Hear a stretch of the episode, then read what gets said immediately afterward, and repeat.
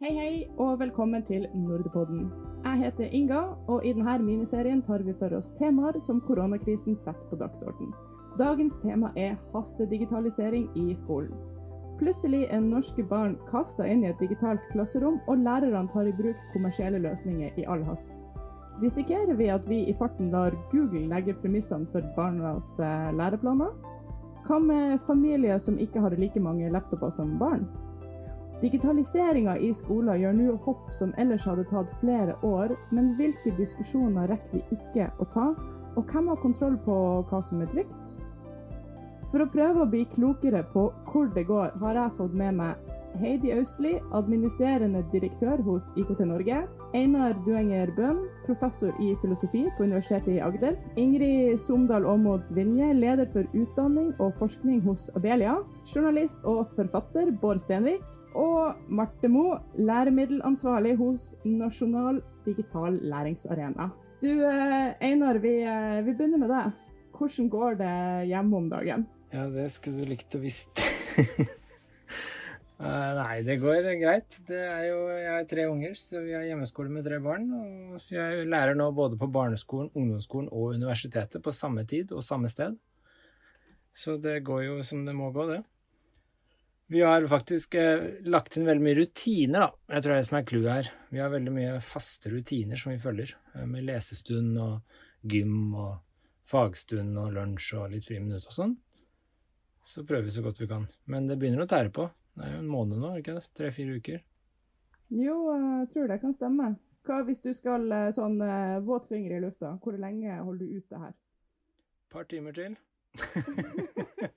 nei, altså, nei, altså, jeg kan holde ut litt til. Det er jo litt, litt hyggelig òg, faktisk. Men det er jo veldig slitsomt, da. Og så er det jo veldig mye skjerm. Det er det jeg reagerer litt på, som jeg sliter meg ut. Det er veldig mye digital skjerm hele tiden. Veldig mye skolearbeidet, leksene, alt er på digital skjerm. Og så skal de ha friminutt og sjekke litt sånn sosiale medier og sånn i friminuttet, ikke sant. Så det er jo skjerm hele tida. Så jeg blir litt stressa av det, da. Så vi er litt mye ute i marka, og jeg drar det med mye ut, da. Vi har mye gym, for å si det sånn. Litt mer gym enn vanlig. Ja. Det, det høres ut som gode tips, altså. Um, du Ingrid, dagens unge uttal, omtales ofte som digital natives.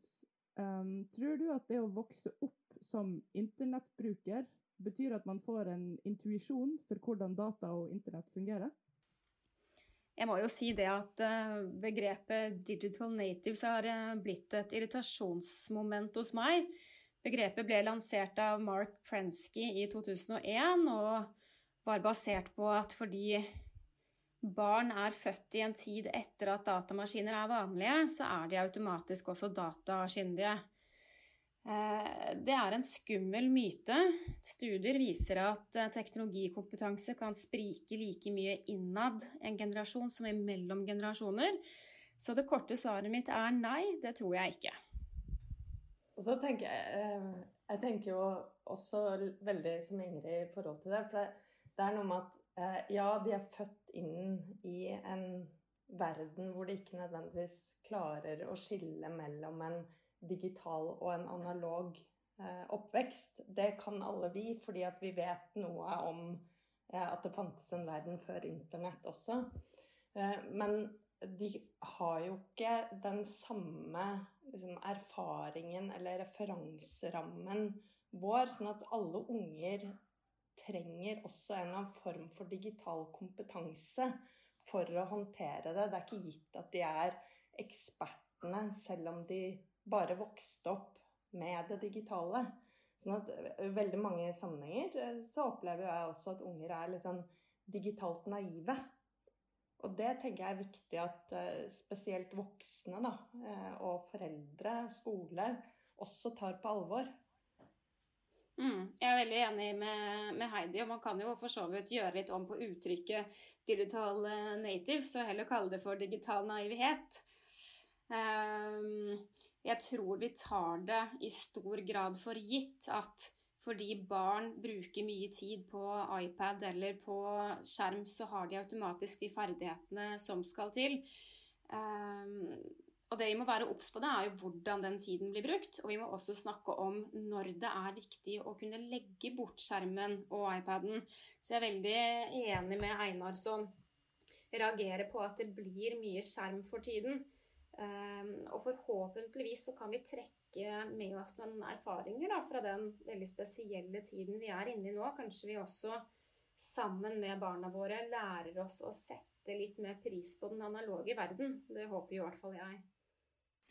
Og det var masse, masse spennende å ta tak i. Hvis jeg tar tak i det som Heidi Ingrid har sagt om digital natives, så syns jeg det er, det, det er, interessant å se på hvor store forskjeller det, det, er. da. Eh, og sånn som du var inne på, Det handler ikke nødvendigvis om eh, at alle innenfor en generasjon er flinkere enn en andre også. Og Du kaller det kanskje at, at ungdommen eller barn i dag er naive, men samtidig så jeg har en eh, gutt på 17 år. da, Når jeg videresender sånn eh, Pass opp på denne her eh, eh, kjedebrevet som går, eller pass opp på sånne ting. Dette her er fake news. og sånn, Så bare ler han av mest. Det er bare voksne som går på det, sier han. Så, så eh, jeg tror Et viktig poeng her er at det ikke det handler nødvendigvis om, om generasjoner. Men det er viktig å ikke tenke at uh, ungdom uh, automatisk uh, behersker alt som har med det digitale å gjøre, for det gjør de ikke. Det ser vi jo i klasserommet også. Nei, altså jeg tror det er ganske viktig, altså det er ganske opplagt at bare fordi du har kompetanse i noe, er veldig flink til noe, tar det veldig kjapt, så føler det ikke derav at du er veldig oppfører deg veldig bra eller gjør det som er riktig. Altså Det er veldig stor forskjell på det å ha kompetanse og være kjapp til å fange opp ting, og det å gjøre det på en god måte og være en god person. da. Så bare fordi du har digital natives, eller barn vokser opp med en teknologi vi ikke gjorde, så er det jo langt derifra til at de klarer å oppføre seg ordentlig av den grunn. Så Derfor er det viktig at alle kommuniserer på alle nivåer, da, og alle foreldre er med, og voksne og gamle og unge, og at det fortsatt er et samfunn. da, At ikke tror liksom de unge tar over fordi de har en større digital kompetanse.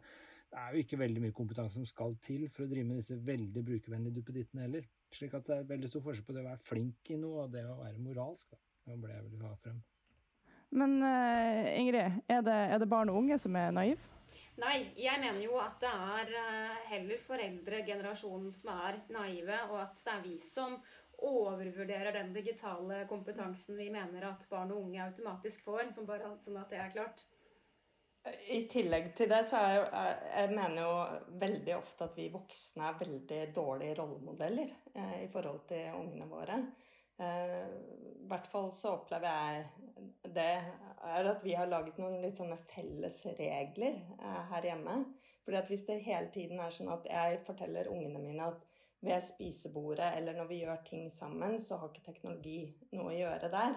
Men jeg bare må sjekke den ene mailen eller bare må legge ut det bildet på Instagram uten å spørre ungene mine først. Det tror jeg at veldig veldig mange foreldre eh, gjør, og voksne gjør. Så vi må skjerpe oss, rett og slett. Men det jeg har opplevd, eh, og jeg har jo også nå fått trent meg i rollen som eh, pedagog her hjemme, det er jo at det er så mye skjerm, og alt skal skje gjennom en skjerm, at det også gir ungene en form for avsmak for skjerm. Altså de selv ønsker å gjøre helt andre ting, da enn bare å møte og være sammen med vennene sine, lære, underholdes via skjermen. Så det er jo en litt sånn der positiv eh, bieffekt av det kanskje også. At det blir litt sånn overdose skjerm. At nå vil disse ungene egentlig bare være ute og klatre i trær og leke og være med å gjøre ting eh, sammen med oss voksne, da. Det syns jeg er veldig fint å se. Ja, Bård, eh, er du enig med det? Er det det som skjer hjemme hos deg? altså, eh, vi har faktisk ikke brukt eh, skjermen så veldig mye. Altså, jeg har en førsteklassing og en tredjeklassing. Og jeg opplever jo at det de først og fremst trenger å lære, nå når jeg får se litt på hvordan de er i læringssituasjonen i praksis, er det samme som da jeg var på den alder, at oppmerksomheten går i alle mulige retninger. ikke sant? Uh, og så må jeg hjelpe dem og, si ja, nei, du, nå trenger du ikke å se ut av vinduet. Nå, det, nå, nå må du se på dette mattestykket. Nei, nei, det kan vi finne ut av etterpå. Nå må du se på det mattestykket. Og det er akkurat samme som jeg var da jeg var liten og skulle gjøre leks. Men det som jeg, jeg merker er at når de, de går inn på skjerm, så blir det i hvert fall i chatrommene, så blir det veldig mye distraksjoner. Og det de skal vokse opp med, er jo å være mye på, eh, på nett som er en oppmerksomhetsøkonomi, hvor oppmerksomheten deres risikerer å bli styrt i stor grad. Da. Så, det, så jeg syns det er viktig at de lærer seg å styre oppmerksomheten sin sjøl, uansett om det er på nett eller av nettmerke. Fordi at eh, du får hele tida sånn notifications og alt mulig sånt på nett fra noen som vil styre oppmerksomheten din i en viss retning. Og det er enda viktigere nå, tror jeg, å lære seg å konsentrere seg og styre oppmerksomheten enn da jeg var liten. Ja, der har nok eh, vi eh, voksne fremdeles et ansvar for å hjelpe barna med det, og lære dem opp i det her. Um, over til noe litt annet. Barn sitt personvern. Kan vi forvente at barn tar ansvar for eget personvern, eller uh, hvem skal eventuelt ta det ansvaret? Marte, hva tenker du?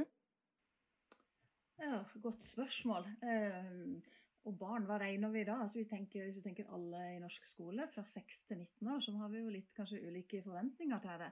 Men, men sånn helt uh, intuitivt så vil jeg jo svare nei. Vi kan ikke, vi kan ikke forvente det.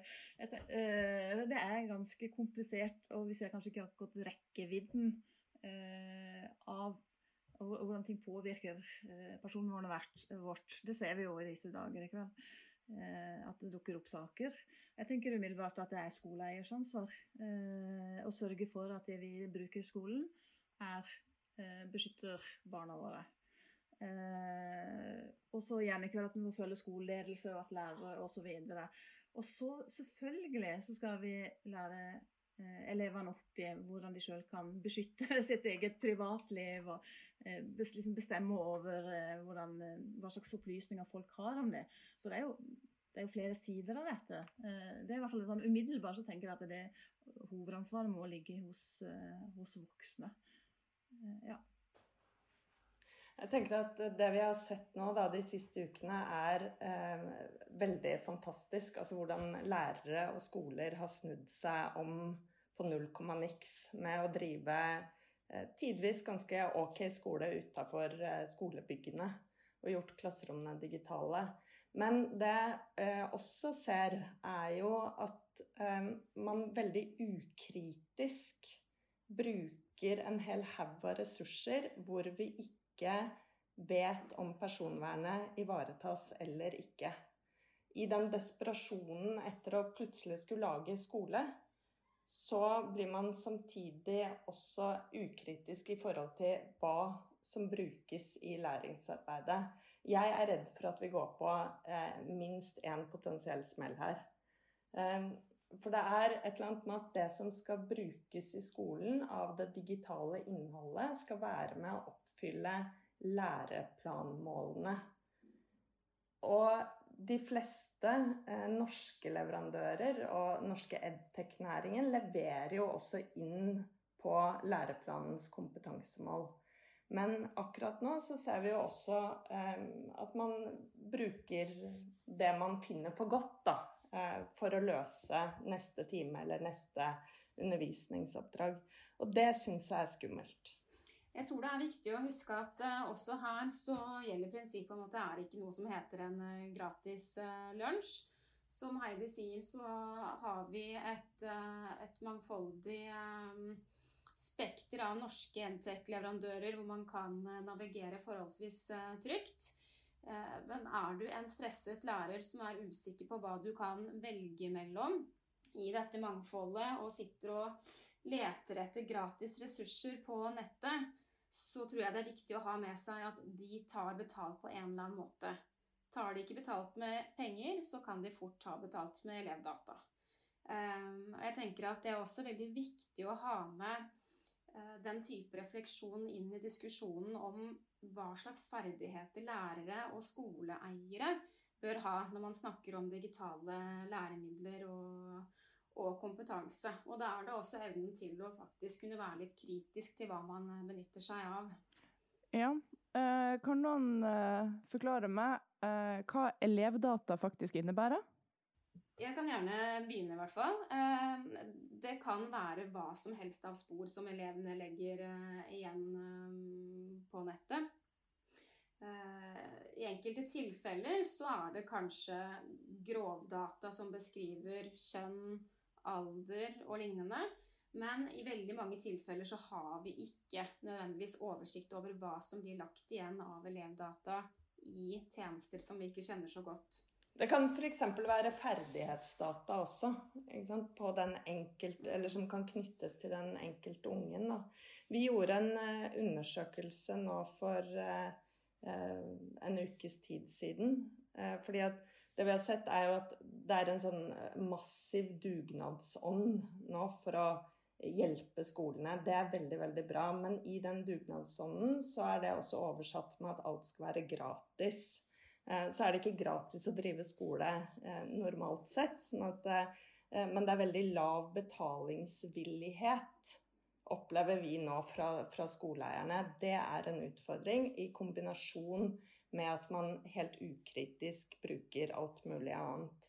En av de tingene som kom fram i den undersøkelsen, var jo nettopp Eh, utfordringer i forhold til eh, persondata om eh, elevene.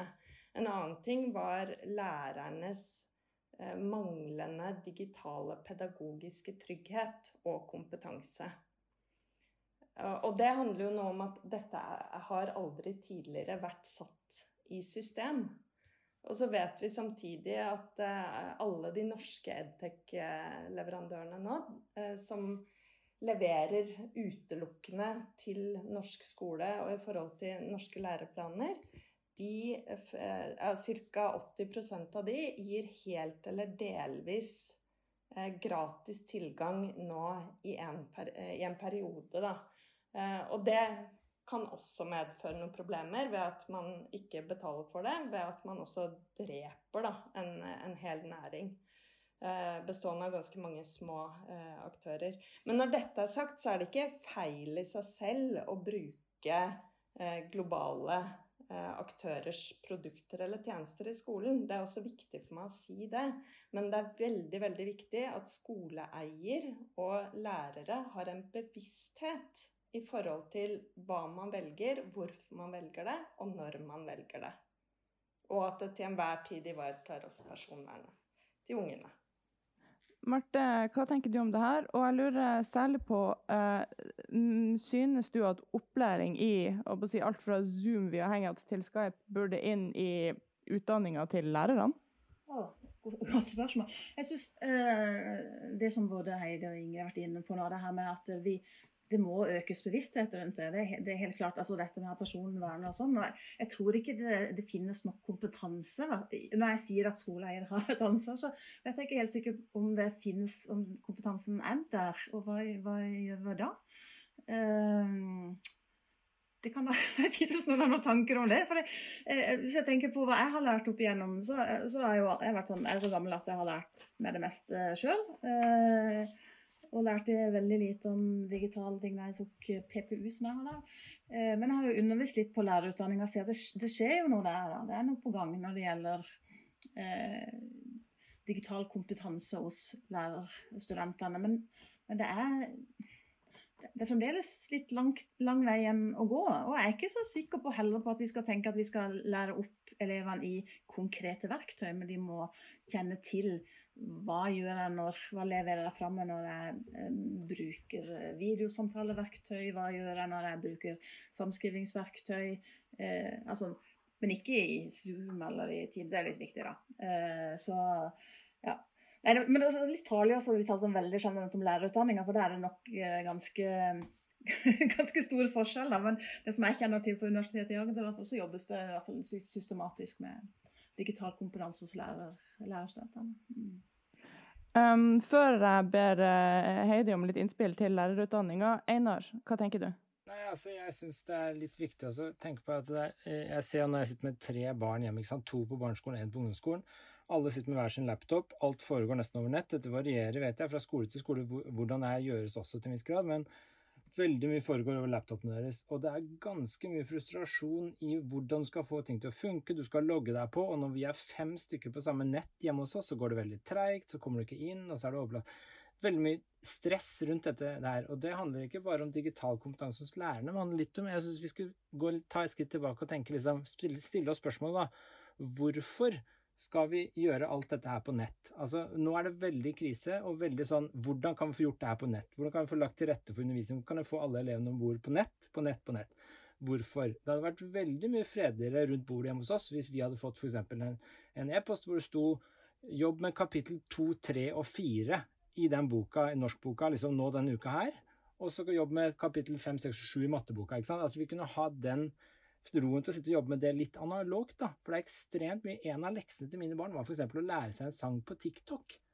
Altså Da har vi på en måte gitt helt opp, føler jeg. Eh, slik at det er, Jeg skulle ønske vi gikk litt tilbake og ikke stilte bare spørsmål hvordan kan vi få digitalisert alt, hvordan kan vi få brukt dette, disse systemene, hvordan kan vi få brukt Hangout og Teams med student, elevene, men heller hvorfor må vi gjøre det på alt? Hvorfor kan vi ikke bare gjøre noe også analogt, i hvert fall å ha alternativene? For jeg vet det er veldig individuelt også. Noen elever trenger kanskje mer digital, mens andre klarer seg veldig bra med å jobbe mer selvstendig og litt mer analogt. Altså, litt, jeg skremmer meg litt når utviklingen går så fort i sånn krise som nå, så går det veldig fort, og da er det veldig lett at alle bare kaster seg på samme systemer, samme digitale strukturer, og så blir det veldig enspora og veldig lite gjennomtenkt, da. Så jeg skulle ønske vi gikk litt tilbake og stilte hvorfor skal vi eh, bruke alle disse systemene? Kan vi ikke bare også få andre måter å gjøre det på? Ja, en av de eh, klokeste tingene jeg syns at du har sagt til meg tidligere når vi har diskutert digital etikk, det er at eh, ikke all utvikling er fremskritt. Nei, det er ikke alle verktøy vi trenger å ta i bruk. Ja, og det jeg ser nå, liksom den jeg sitter nå med og skal logge på av tre unger på forskjellige brukere, og så er det ikke alltid så effektivt som folk skal ha til. Altså Når den ene logger seg på, så kommer den automatisk inn som broren sin i feil trinn, fordi de driver og linker automatisk, ikke sant, uten at de skal slippe opp å taste inn passordet hver gang. Så de må i prinsippet ha helt individuelle brukere, helt individuelle maskiner hver for seg, og aldri røres inn på hverandres systemer. ikke sant? Og da har vi på en måte gitt opp alt, føler jeg. Så jeg, jeg synes det er litt trist egentlig å se hvor fort det går ned. Det er mye bra også, mye liksom gøy, men jeg skulle ønske det, vi kunne liksom ha andre alternativer, da, for å være helt ærlig. Selv om det var kanskje litt retro. Jeg syns det er veldig mye her som ikke har vært liksom verken effektivt eller bedre læringsmidler. Da. Jeg tror jeg hadde lært mye mer på bare sitte og jobbe litt med matteboka vår, liksom. I stedet for å gå inn på Salaby og alle mulige mattelinker og YouTube-videoer og TikTok-sanger. Du, Heidi, når vi prater om de her tingene, så er det jo det er lett å snakke om alt som er feil. Og det er så klart lærerne ikke sant, som sitter og gjør uh, feil. Uh, hva tenker du? Jeg tenker at lærerne gjør en helt sinnssykt fantastisk jobb for tiden. Og så skal vi huske at eh, teknologi i seg selv skaper ingen form for læringsmagi. Det er først når den settes inn i en pedagogisk kontekst og sammenheng at det kan få effekt. Og det er viktig å velge når vi ikke skal bruke også. Jeg er uenig i at det skjer mye bra i eh, lærerutdanningen. Altså det skjer en del bra. Men alle de erfaringene vi får nå, må handle om at det tas noen mer sånne politiske, systematiske grep som gjør at alle lærere og lærerstudenter vet hvordan de skal kunne bruke teknologi også i læringssammenheng. Uh, litt det Einar nevnte om at uh, barn skal logges inn her og ut der, og så plutselig man logger inn der broren er logga inn. Kan vi egentlig forvente at alle familier der ute har like mange laptoper som barn? Uh, hva tenker du, Bård? Burde egentlig eh, staten levere både internettilgang og datamaskiner uh, til folk som nå sitter hjemme og må bruke digitale verktøy for å være lærere for barna sine? Altså, hvis, hvert fall hvis man skal nå nå er det jo et unntakstilfelle, og skolen vår har tilbudt at elever kan komme og hente laptoper og låne skolen. og Det er jo veldig bra. Eh, men, de, men sånn, jeg tror nok at det, det, som skjer nå, vil jo befeste veldig stor grad en del ulikheter som allerede finnes. Altså, eh, ikke, når det gjelder både digital kompetanse og når det gjelder tilgang til, som du sier, antall laptoper. Når du har to unger f.eks. tre unger i en familie, og så skal begge dem eh, ha møte med Teams med sin lærer samtidig, så er jo, det mulig bare hvis man faktisk har to laptoper. Og så skal kanskje faren og mora sitt og jobbe samtidig på sin. Så da, da også er det det at du må ha foreldre som forstår dette godt nok til å veilede ungene. fordi at det er noe med at Du kan sette en unge foran en iPad eller en, eh, en PC, og så sitter de og klikker. ikke sant? Men da, det, men det kan føre til en illusjon av at den ungen faktisk gjør noe og er dypt konsentrert, men så sitter de bare og klikker seg gjennom. Og det, var veldig vanskelig da, å forstå. Jeg hørte nettopp at det var ei på en annen skole som hadde som spurte lærerne om de egentlig fulgte med på hva elevene gjorde. For Hun så jo at hennes datter satt og trykte seg gjennom sånne mattestykker. Men hun visste jo ikke hva det var hun gjorde. Men det viste seg at hadde ikke, lærerne hadde ikke tilgang, fordi at de hadde ikke hatt råd til å kjøpe det, den muligheten. Så i sånne tilfeller så, så krever det jo sant, at mennesker passer på at det, noe faktisk skjer. Ja, For å komme med et eh, ledende spørsmål her til eh, Heidi. Tenker du at uh, segregeringa og skillene i samfunnet faktisk kan øke raskere i, i den digitale tida? Absolutt. Det, og det vi ser nå, som vi også har diskutert mye med flere skoleeiere, er jo at det er en del unger som ikke har tilgang til la oss kalle det digitale enheter da, og nett hjemme. Og så får de heller ikke muligheten til å gå på biblioteket, som de kanskje normalt sett har gjort eh, før. Eh, og Det betyr jo at det er jo ikke bare digitale skiller vi får, men vi får potensielt sett også kunnskapsskiller mellom unger som har mulighet, og unger som ikke har mulighet. Og det krever noe ganske aktiv handling. Jeg er veldig glad for at uh, vi tar det opp og får snakket om det nå i dag. Jeg tror også at uh, vi er nødt til å tenke litt på hvordan man kan få et digitalt type klasseskille ved bruken av Altså selve bruken av teknologi. Eh, at det ikke nødvendigvis er et kvalitetstegn med barn og unge som bruker mye tid foran PC og iPad, men at vi også bør rette oppmerksomheten på hvordan den tiden blir brukt. Eh, og i stor grad så er nok det ofte avhengig av foreldrene og hvor interessert de er i teknologien som eh, omringer de unge, og hvor mye de har mulighet til å spare med barna sine. Eh, så det er klart at det understreker jo også poenget med at vi er nødt til å få på plass en digital komponent i lærerutdanningen. For mye av dette må nok også gjøres i klasserommet og hos lærerne. Og da tenker jeg også særlig på dette med å stille spørsmål da, rundt hvordan har du hatt det på nettet i dag. Har du sett noe du har reagert på? Var det noe som ikke var så greit? Eh, så jeg skulle også ønske at man i denne diskusjonen eh, kunne vie litt mer oppmerksomhet til hva som faktisk foregår der ute. Og der mener jeg at foreldre må ta sin del av ansvaret, de også. Eh, så ikke bare spørre hvordan det har vært på skolen, men spørre hvordan det har vært på nettet, tror jeg er ekstremt viktig. Ja, det tror jeg du har uh, helt rett i. Det tror jeg vi alle er skjønt uh, enig i. Um, for å zoome litt ut, Einar. Uh, hvordan, hvordan, burde vi nærme oss det her som samfunn? Se, altså, jeg tror det er veldig viktig at man ikke bare lar IT-entusiastene få styre. ikke sant? Altså, det er veldig ofte sånn at I skolen, hvem er det som får ansvaret for IT på en skole? Jo, det er de som er glad i det. Og Da er det veldig viktig at ikke IT-entusiastene får styre for mye. altså At vi har de kalde skyllebøttene også med innimellom, og de kjipe som holder igjen. Også at vi også ikke glemmer liksom enkle ting som analogt håndverk. At det, hvis vi skal ha mer koding i skolen, så tror jeg, syns jeg det er synd hvis det går på bekostning av sløyd, f.eks. Altså, sånn at vi ikke umiddelbart kaster alt over bord fordi vi blir så entusiastiske i hva vi kan gjøre. Altså Det er veldig stor forskjell fra hva vi kan gjøre, til hva vi burde gjøre. Så vi er ikke slik at alt vi kan få til, er det vi burde få til. Og Det er derfor jeg skulle ønske det gikk litt saktere. Uh, uten at jeg er ikke veldig konservativ i det hele tatt, men litt saktere. Altså Når det går for fort, så går det ofte for fort i svinga. Uh, og Det er det jeg savner litt. Så litt mer fokus på sakte læring, litt mer fokus på analog læring, litt mer fokus på å gjøre ting som ikke nødvendigvis alltid skal involvere en eller annen entusiastisk IT-kompetanse. Det skulle jeg ønske det var mer av.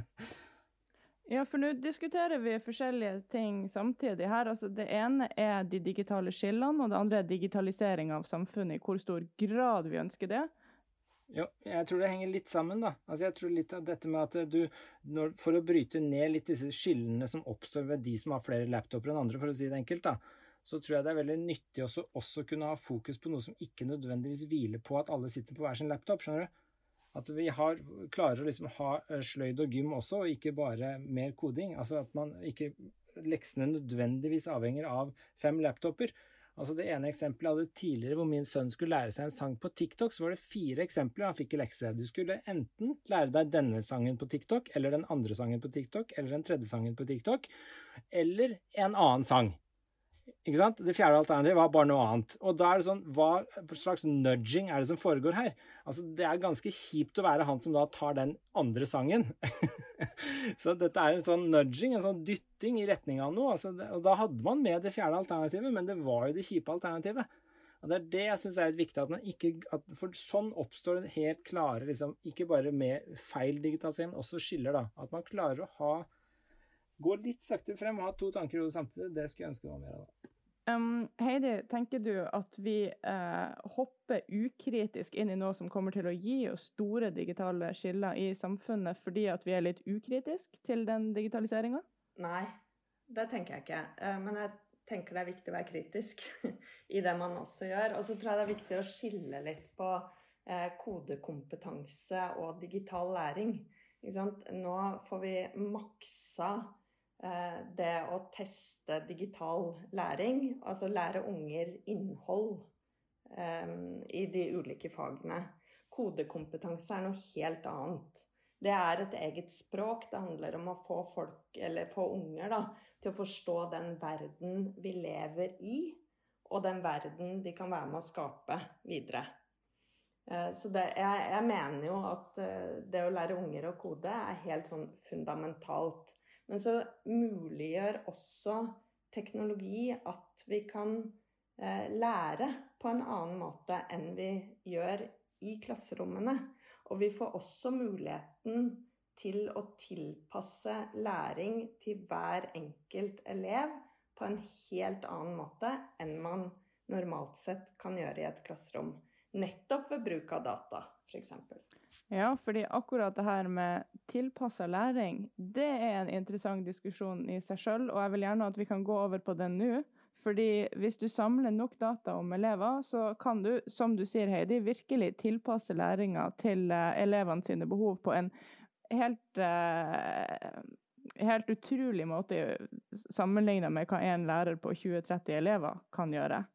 Um, samtidig så vet vi jo at uh, hvis du samler nok data om en person eller om en elev, så er det det samme som å overvåke, og det kan brukes mot eleven også. Um, hvilke tanker har dere om forskjell mellom de her to? Uh, kanskje Marte?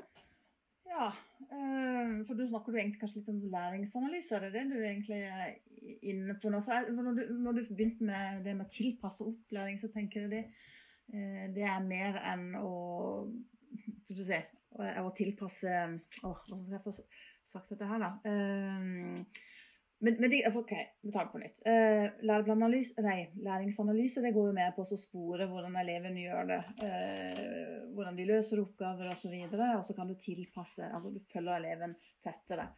Det er en måte. Uh, det andre er jo også at det å tilpasse ved hjelp av ulike digitale verktøy, f.eks., behøver ikke være Det kan du gjøre uten å, å eh, følge med på eller spore hva eleven gjør. Det handler om at eh, enkelte enkelte lærere f.eks.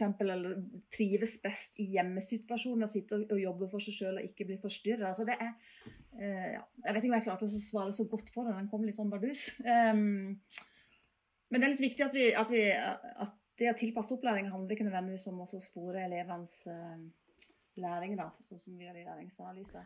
Ja, fordi det var jo et uh, eksempel fra Danmark, jeg mener jeg husker fra like før jul, uh, der de så det at hvis man bruker Google i skolen, um, så er kvaliteten på elevene sin søkeresultat avhengig av Eller det korrelerer sterkt da med foreldrene sin utdannelse.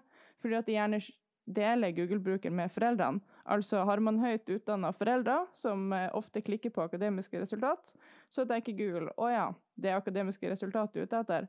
Mens hvis man kanskje har foreldre med en lavere utdanning, eh, så kan man få rett og slett feilaktige resultat, fordi Google filtrerer på popularitet og ikke på riktighet. Heidi, eh, du har sikkert fått med deg at det er en pågående eh, sak som noen foreldre har oppretta overfor Datatilsynet. Og Datatilsynet har sagt at de har lyst til å undersøke lovligheten av bruk av Google i Mm. skolen. Ja. eh, fint at de gjør det. Men, men, men det Og dette har jeg sagt til Datatilsynet også i mange sammenhenger. Det er veldig viktig at Datatilsynet også er med på å hjelpe lærerne og hjelpe skolene eh, med å ta de vurderingene, og ikke bare komme inn i etterkant og kontrollere. Jeg mener at Google eh, er en også fantastisk eh, tjeneste i læringsarbeidet. Men jeg hadde lyst til å trekke litt tilbake eh, til det der med tilpasset opplæring. fordi at hvis vi, eh, Det vi vet da, i norsk skole, er jo at 25% av ungdommene faller ut av videregående opplæring. Tallet har gått litt grann ned de siste årene. Eh, men likevel, 25% er bra mange ungdommer. I tillegg så vet vi at spesialundervisningen den øker fra eh, første, andre, tredje klasse oppover, så øker liksom den mengden at man må bruke ressurser da, på spesialundervisning til ungene. Hvis vi kan være med å løse noe av dette med å tilpasse læringen til ungene tidligere ved bruk av teknologi, så er vi med på å løse noen skikkelig store samfunnsutfordringer. Det har vi ikke helt testa ennå. Men det betinger jo bl.a. at vi bruker data om ungene for å lage læringsløp tilpassa hver enkelt unge. Ja, eh, altså når det gjelder akkurat det, så er det jo Det høres jo veldig besnærende ut, akkurat den derre tilpassinga. At, at det blir som om hver eh, elev skal få sin egen lærer som lærer dem akkurat mattestykkene i akkurat den rekkefølgen som passer akkurat best for akkurat dem. ikke sant? Og så kan læreren ta, bruke mer oppmerksomhet på, på liksom de mer menneskelige delene av det. Men det er jo en del eh, sånn farer som vi må være spesielt oppmerksom på, tenker jeg. Det, en av de tingene er jo at det som når så, sånn som jeg opplever det, i hvert fall, så er det sånn at når man innfører sånne teknologiske hjelpemidler, så finnes det òg en eh, forventning om gevinstrealisering, som det kalles. Og Det betyr i praksis at du skal spare penger fordi at du kan bruke mer teknologi, og da kan du kanskje ha færre lærere. Mens min erfaring er jo at med teknologi sånn som det er nå, så er det kanskje tvert imot sånn at du trenger mer lærekraft, fordi at, fordi at ungene trenger da òg opplæring i å forstå den teknologien. Eh, og en annen ting er jo det at eh, når at du har sånn automatisk læringstilpasning, så kan det, det oppstår en risiko for at det blir vridd mot at da kommer vi til å lære ungene de tingene som fungerer best i sånne dataprogram. Altså, det er jo gjort, eh, I Kina så har de veldig gode resultater med sånn matteprogram som lærer ungene eh, og, og så- å lære ting som matematiske prinsipp i riktig rekkefølge for dem. Men det er kanskje mye vanskeligere å lære dem f.eks. emner som etikk eller samfunnsfag eller KRLE. Og, så, det er en sånn, eh, sånn Man må passe på veldig så ikke skolen begynner å forme seg etter de mulighetene som teknologien tilbyr, på en mest mulig effektiv måte. For det er noe som du har sett i veldig mange sektorer før. Så det er en ting vi må passe på. Og særlig hvis du da har en sånn aktør som Google, som lager utrolig effektive løsninger. Og så blir det masseinnført nå, og så er alle veldig fornøyd etterpå. For at Google sine løsninger var jo så effektive og sikre. Og så har vi på måte godtatt at å ja, men da bruker vi det i framtida, i stedet for å tenke på hele bildet. Hva er det egentlig vi har lyst til at borgerne skal utdannes til? Einar, jeg ønsker ditt for eh, barna dine Google i skolen og eh, individuell tilpasning døgnet rundt? Ikke ledende i det hele tatt. Nei. Eh, nei, altså jeg syns jo det er litt fare med sånn individuell tilpasning. Det er veldig bra til en viss grad, uh, men jeg er nok enig med Bård at det kan bli for mye av det. fordi det, det, Noe av det jeg liker veldig godt i Norge, er jo f.eks. fellesskolen. Altså den gode, gamle fellesskolen. Jeg blir mer og mer glad i den jo eldre jeg blir, faktisk. At man har et felles grunnlag man går ut fra, man går ut med, og man har et felles kunnskapsgrunnlag som såpass mange er med på. Jeg bodde i USA i mange år, f.eks., hvor det er mye mer privatskoler. Og der er det grupper, og uh, egne grupper, som på en måte ikke har noen kontakt med den offentlige fellesskolen. Uh, de går ut av en helt annen utdanning med helt annet nivå lever en helt egen boble. Og når det er veldig individuell tilpasning, så er det klart det er en fare for at man smuldrer opp den fellesskolen litt, når alle får sin øremerka tilpasning til hvor de ligger.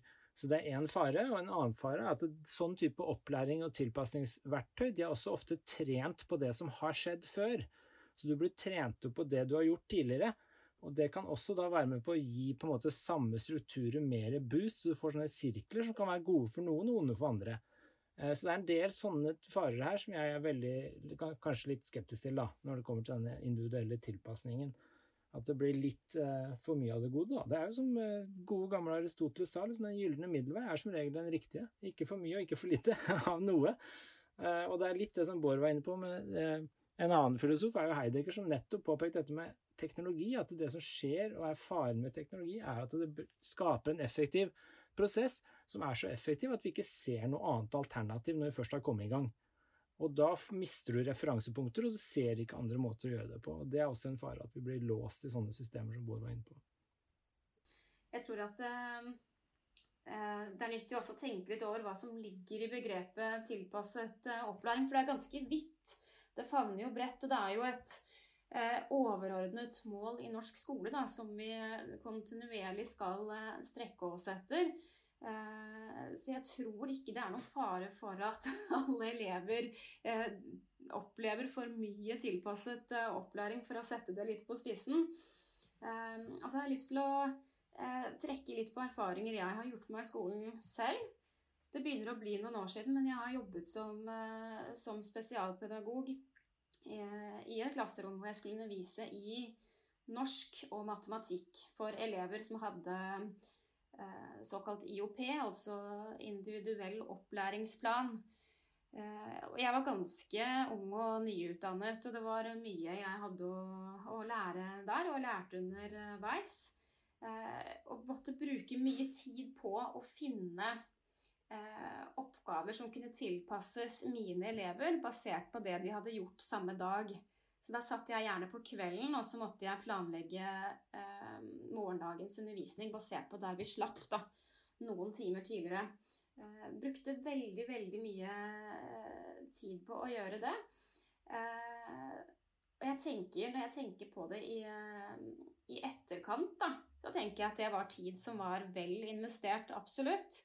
Eh, hadde jeg hatt tilgang på teknologi som gjorde at jeg hadde mulighet til å kunne tilpasse de eh, oppgavene med tasteklikk, så tror jeg at jeg hadde spart meg selv eh, for mye frustrasjon. Jeg kunne sikkert sovet mer og hatt, eh, hatt litt mer fri på søndagene. Så den, selve den enkeltheten der jeg eh, savnet da jeg jobbet eh, i skolen, som jeg tror at vi har mye større tilgang på nå. Og så har jeg lyst til å dra inn eh, dette med tidlig innsats også.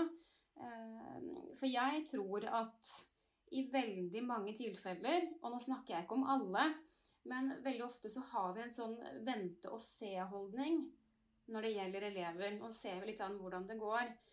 Eh, jeg tror at med bruk av riktig teknologi på en gjennomtenkt måte, så kan vi i større grad ha en føre-var-holdning til disse elevene.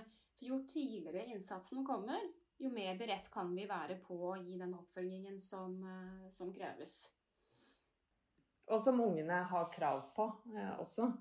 Så, eh, og individuelt tilpasset opplæring er jo eh, et krav at alle unger skal få det eh, i skolen. Men det er helt umulig oppgave å klare å gjennomføre med, i, et klasse, i et normalklasserom da, eh, i dag. sånn at veldig mye av den læringen som gis, er jo skapt for en A4-unge som ikke eksisterer.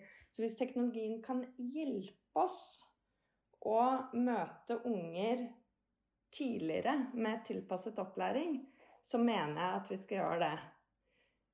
og så skal vi også eh, ikke bare erstatte læreren med teknologi. Det er også viktig. Unger trenger å møte andre unger, og de trenger også å møte lærere i et klasserom. Jeg er helt enig i det Heidi og Ingrid sier. Det er utrolig. Teknologi kan virkelig hjelpe elever som Eh, som trenger eh, noe ekstra. For, og F.eks. dysleksi, da, siden du nevnte dette med tidlig innsats, så vet vi at eh, teknologi tilbyr viktige, nesten avgjørende hjelpemidler til, til elever som har det. Så tror jeg et viktig poeng her, til slutt på dette her, at teknologien gir lærere flere verktøy å bruke. De får en større verktøykasse, så de kan ha flere ting å spille på. For de møter jo en, en variasjon av elever som har ulike behov. Eh, sånn at det, Der har teknologien noe viktig eh, å tilby. Og så selvfølgelig enig med dere andre som sier at, at, vi må ikke glemme alt det andre med den nære kontakten. og Det tror jeg vi vil se nå også. Dere var inne på det i stad, det her med at, at noen blir eh, teknologileie eller skjermleie og vil ha kontakt. da. Så det er også viktig, selvfølgelig. Jeg vil jo tro at uh, koronakrisen har endra synet til veldig mange på bruk av teknologi i skolen, eller i alle fall uh, fått oss til å tenke over det uh, i en mye større grad enn før. Så helt til slutt så har jeg lyst til å spørre alle sammen, når vi går videre, uansett hvor lenge denne krisen varer, en eller annen gang må den jo ta slutt. hva er det beste og det verste som kan komme ut av det her? Einar?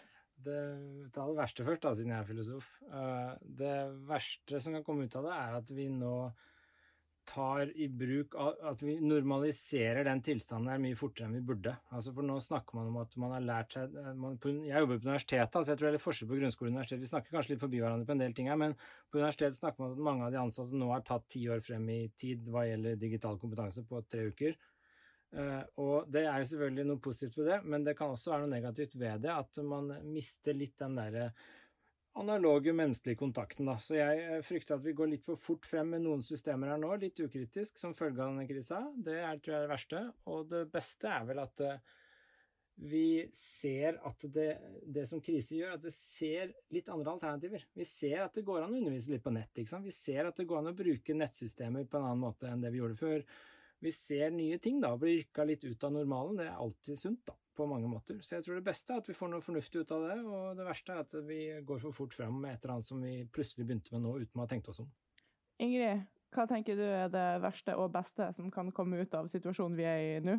Rent overordnet så tror jeg vi kommer til å gjøre oss både gode og dårlige erfaringer. Eh, vi må være forberedt på at vi kommer til å gjøre ting som ikke var helt optimalt og som ikke var helt riktig. Det kommer til å gå helt fint så lenge vi kan eh, lære av det. Eh, jeg kjenner at min største bekymring det er at vi lar teknologien være driveren, og at vi tar beslutninger om pedagogikk basert på hvilken teknologi vi er kjent med, og den teknologien vi har tilgjengelig. Så det har jeg lyst til å snu, eh, i likhet med veldig mange andre. At vi lar det være pedagogikken og læringssynet vi opererer ut ifra, som eh, bestemmer valg av teknologi, ikke omvendt. Eh, jeg har fulgt med på en god del lærerdiskusjoner, og jeg jeg er jo vanvittig imponert, fordi lærerne gjennomgår nå en, en digital ilddåp vi ikke trodde at vi skulle se så fort. Eh, jeg tenker at eh, der vi er nå Det kunne fort tatt fem år før vi hadde vært der vi er nå, hvis ikke eh, korona hadde inntruffet. Så det må vi ta med oss videre. Jeg håper at vi finner en måte vi kan systematisere både de gode og de dårlige erfaringene vi gjør oss. Eh, de negative erfaringene er kjempeviktige, mener jeg. Som pedagog så er jeg opptatt av at det er eh, ofte litt undervurdert hvor mye vi kan lære av feiling. Så jeg håper at man tør å snakke om eh, det man har prøvd, da, både av pedagogikk og teknologi og, og si, eh, kombinasjonen av de to. At vi tør å snakke om når det ikke gikk så bra, for det kan vi lære av. Ja, Marte. Hva, hva, er du redd for, og hva håper du? Ja, nei Ja. Øh, skal ikke begynne med det vi er redd for.